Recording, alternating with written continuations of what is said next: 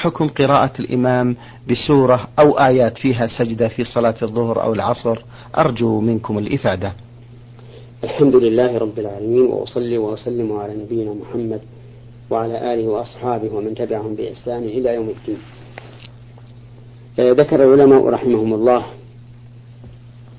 وأعني بهم فقهاء فقهاء الحنابلة نعم. المتأخرين أنه يكره للإمام أن يقرأ آية سجدة في صلاة السر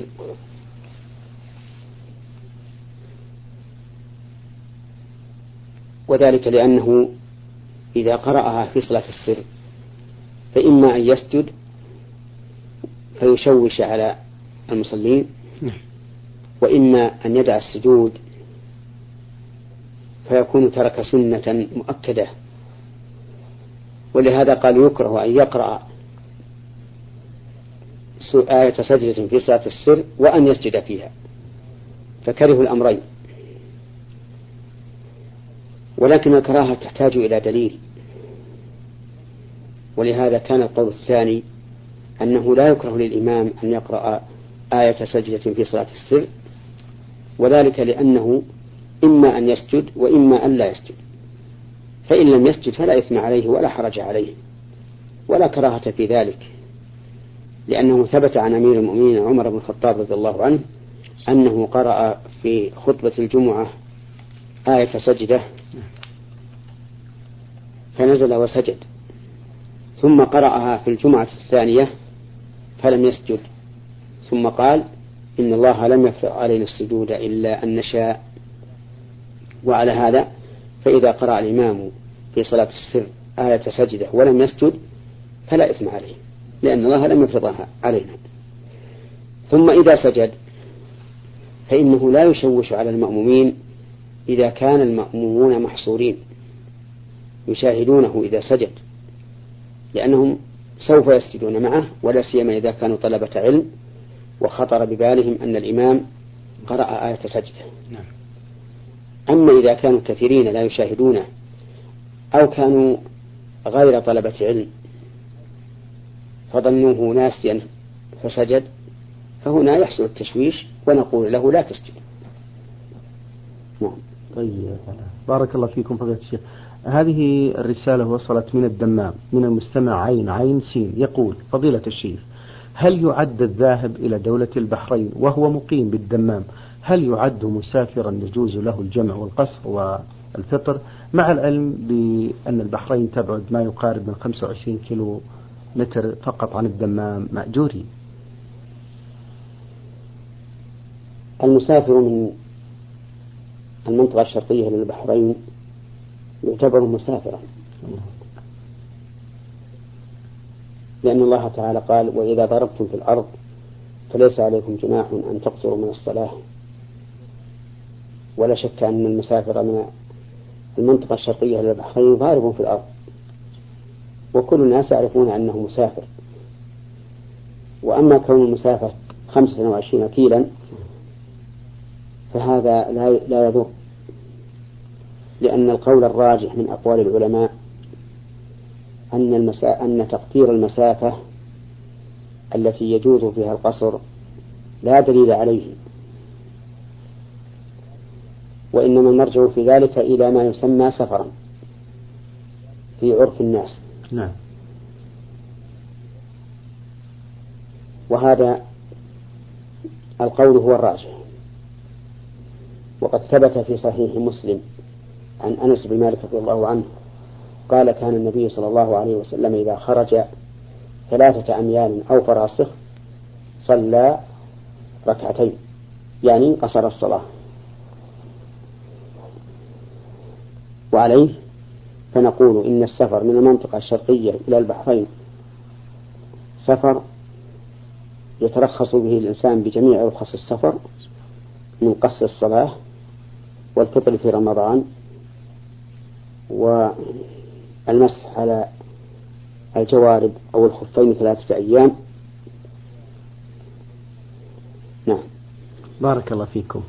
السؤال الثاني لرسالة المستمع من الدمام يقول فضيلة الشيخ ظهر في هذا الزمن عدسات تلبس على العين عوضا عن النظارات وقد ظهر نوع منها يكون ملون بحيث إذا لبسه الإنسان تغير لون العين من لونها الطبيعي إلى لون العدسة فهل آه، لبسها يجوز أم لا؟ حيث أنها قد تكون من تغيير خلق الله أفيدوني بهذا مأجورين هذه العدسات التي تلبس على العين لا بد فيها أولا من مراجعة الأطباء. هل لها أثر على العين؟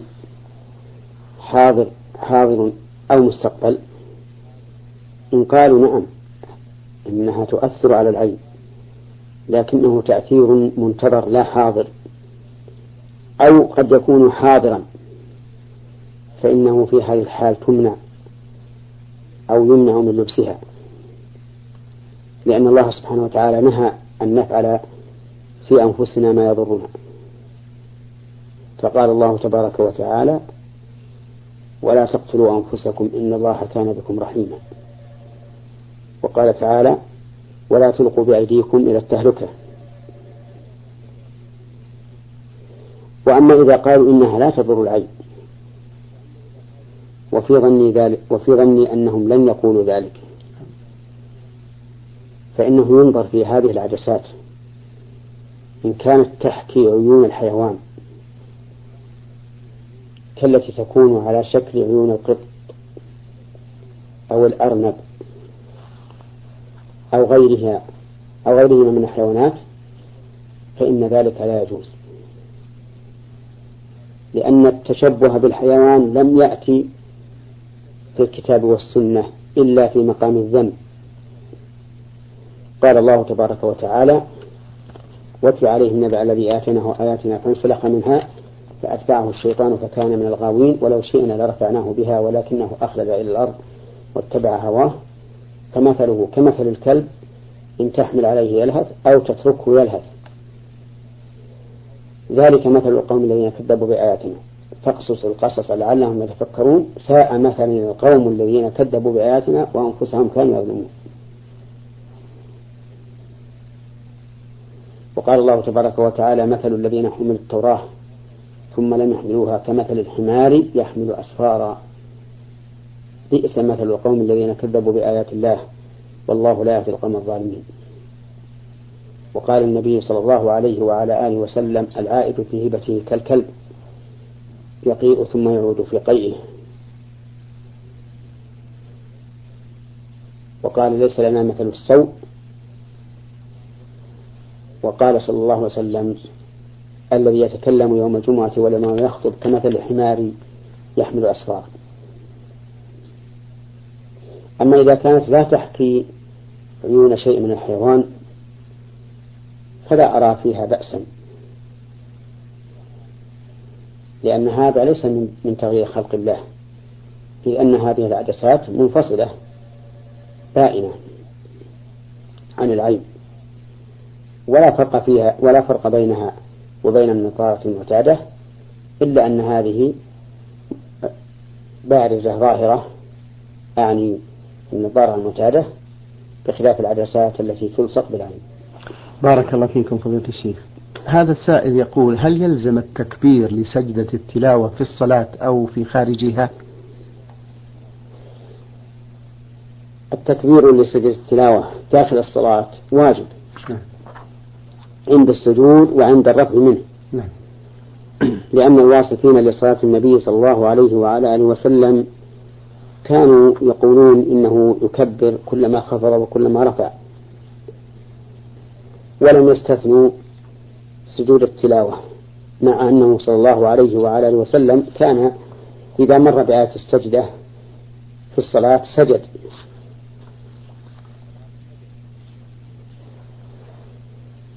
وأما إذا كانت السجدة خارج الصلاة فقيل إنه يكبر إذا سجد وإذا رفع ويسلم تسليمة واحدة وقيل إنه لا يكبر إذا سجد ولا إذا رفع ولا يسلم.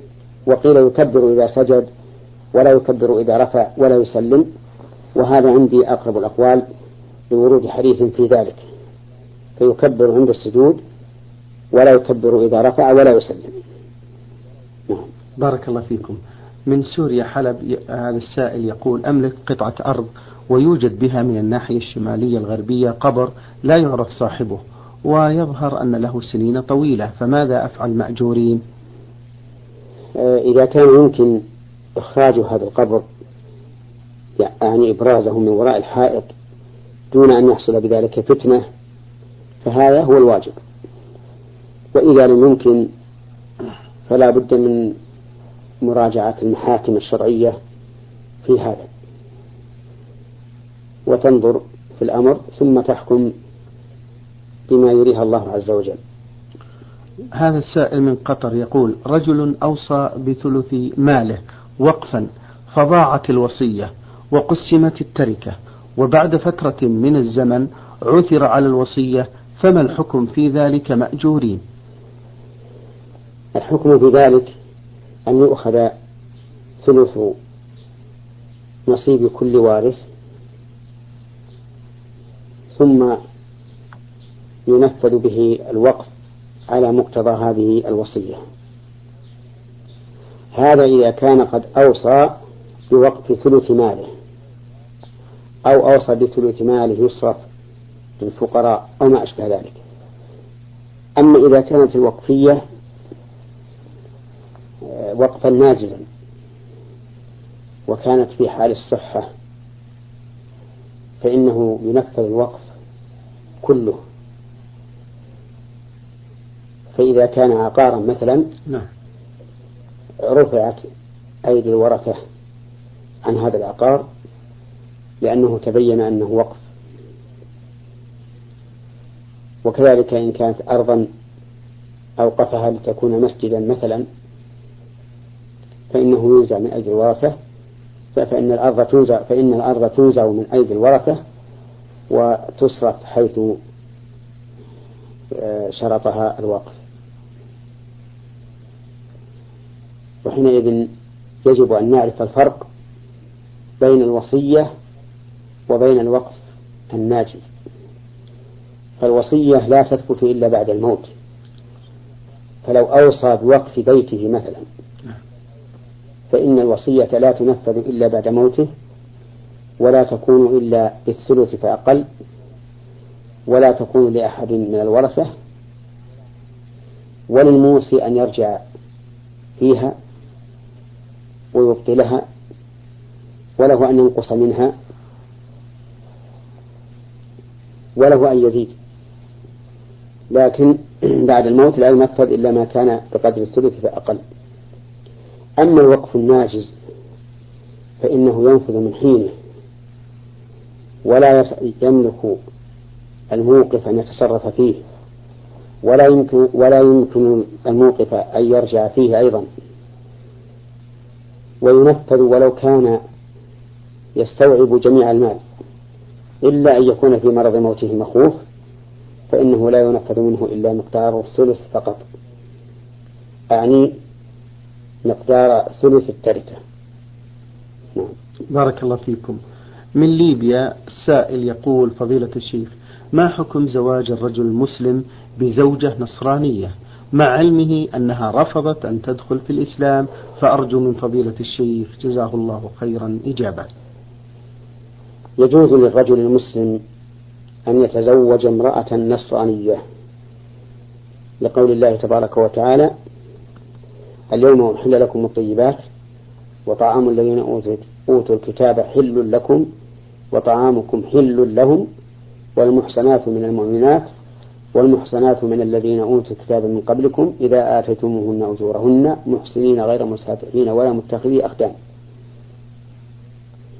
وفي هذه الحال ينبغي له بعد العقد عليها والدخول بها أن يعرض عليها الإسلام وأن يرغبها فيه. فلعل الله أن يهديها إلى الإسلام فينال الزوج بذلك ما ذكره النبي عليه الصلاة والسلام في قوله لعلي بن أبي طالب رضي الله عنه حين بعثه في خيبر وقال انفذ على رسلك ثم انزل بساحتهم وادعهم إلى الإسلام وأخبرهم بما يجب عليهم من حق الله فيه. فوالله لأن يهدي الله بك رجلا واحدا خير لك من حمر النعم. وبهذه المناسبة أنبه إلى هذه الكلمة حمر النعم وأنها تقرأ بسكون الميم حمر النعم. وكثير ممن نسمع من الإخوان يقرأها بضم الميم فيقول من حمر النعم. والحمر ليست جماعة حمراء بل الحمر جمع حمار. والفرق واضح جدا. فعلى القارئ أن يراعي هذه المسألة وأن يقرأها حمر النعم بسكون الميم جمع حمراء. وفيما إذا تزوج هذه المرأة النصرانية فإنه إذا مات لا ترثه وإذا ماتت لا يرثها وكذلك لو لو مات أحد أولادها فإنها لا ترثه ولو ماتت هي لا يرثها أحد من أولادها نعم. لقول النبي صلى الله عليه وعلى آله وسلم لا يرث المسلم الكافر ولا الكافر المسلم. ويكون ميراثها لورثتها الذين يوافقونها في دينها. نعم. بارك الله فيكم. هذا السائل يقول فضيلة الشيخ خطب رجل امرأة ولم يعقد عليها ولسوء خلاف بينهما قال هي محرمة علي مثل أمي وأختي فذهب سوء الخلاف. فما الحل في هذه القضية مأجوري؟ الحل في هذه القضية سهل والحمد لله. الحمد لله. لكن هذا القول الذي قاله هذا الرجل قول منكر وزور. حيث شبه أحل النساء له بأحرم النساء عليه. وهذا يسمى ظهارا. من قوله تعالى والذين يظاهرون من نسائهم ثم يعودون لما قالوا. ولقوله والذين يظاهرون منكم من نسائهم ما هن أمهاتهم؟ ما هن أمهاتهم؟ إن أمهاتهم إلا اللائي ولدنهم. وإنهم ليقولون منكرا من القول وزورا وإن الله لعفو غفور. فالواجب على هذا الرجل أولا أن يتوب إلى الله من هذا القول المنكر الزور. وثانيا أن لا يمس زوجته حتى يفعل ما أمره الله به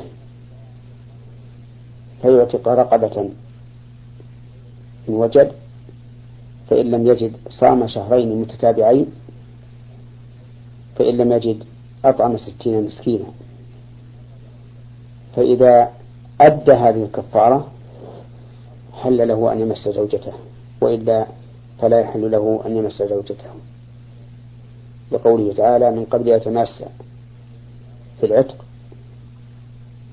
والصيام. وكون الله سبحانه وتعالى لم يذكر هذا في في الإطعام لا يعني أنه يجوز تجوز المماسة قبل الإطعام. لأنه من المعلوم أن الإطعام أسهل من العتق وأسهل من الصيام فإذا منع الإنسان من من المماسة قبل أن يعتق وقبل أن يصوم فمنعه من المماسة قبل أن يطعم من باب أولى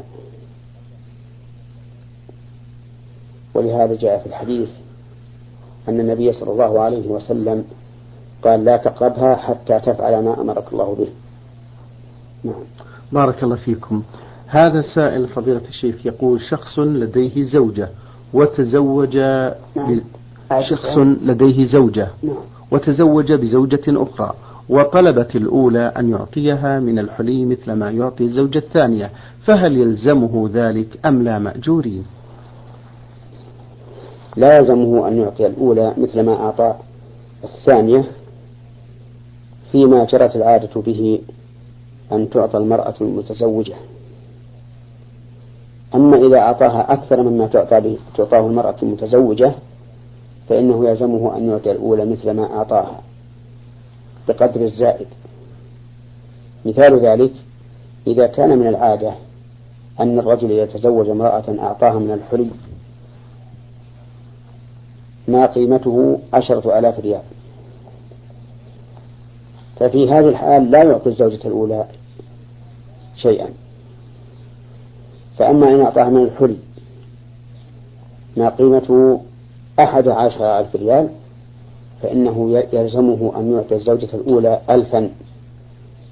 لأن هذا الألف زائد على ما جرت به العادة مما تعطاه المرأة المتزوجة.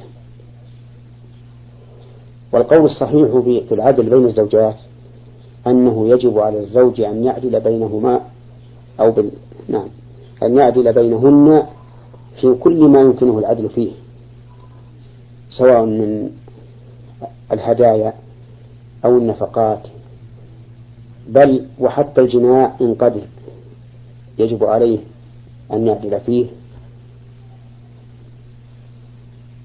لأن النبي صلى الله عليه وعلى آله وسلم قال من كانت له امرأتان فمال إلى إحداهما جاء يوم القيامة وشقه مائل.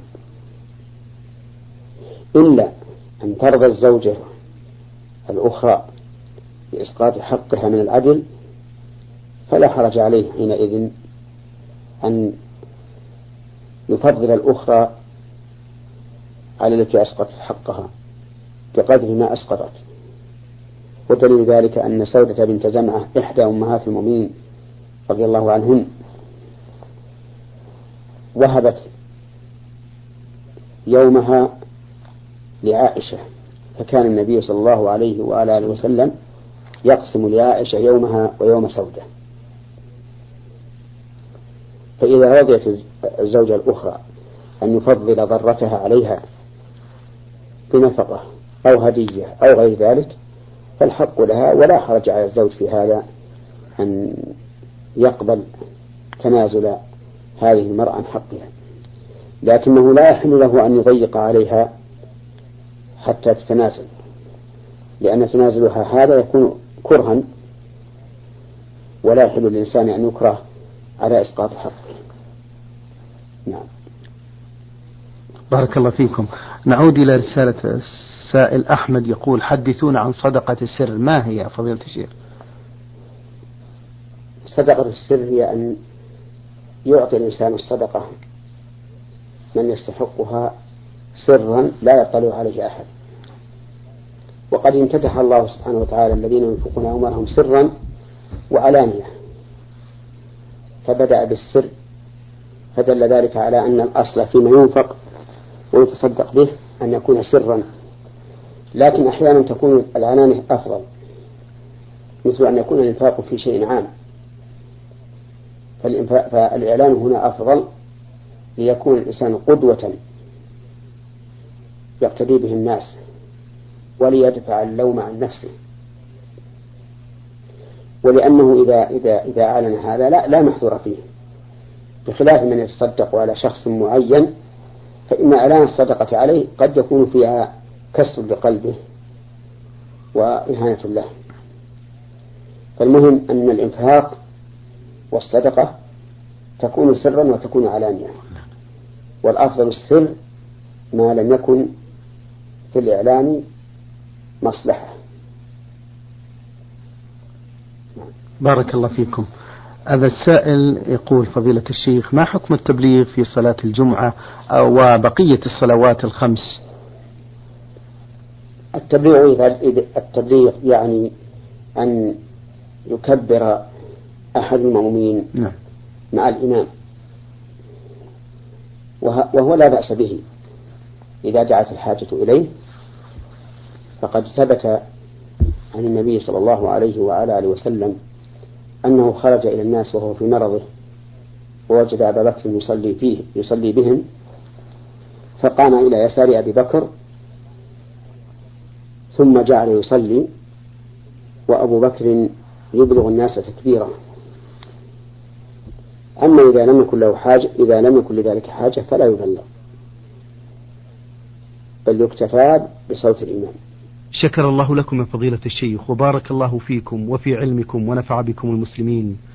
أيها الإخوة الأحباب أيها الإخوة المستمعون الكرام أجاب على أسئلتكم فضيلة الشيخ محمد بن صالح بن عثيمين الأستاذ في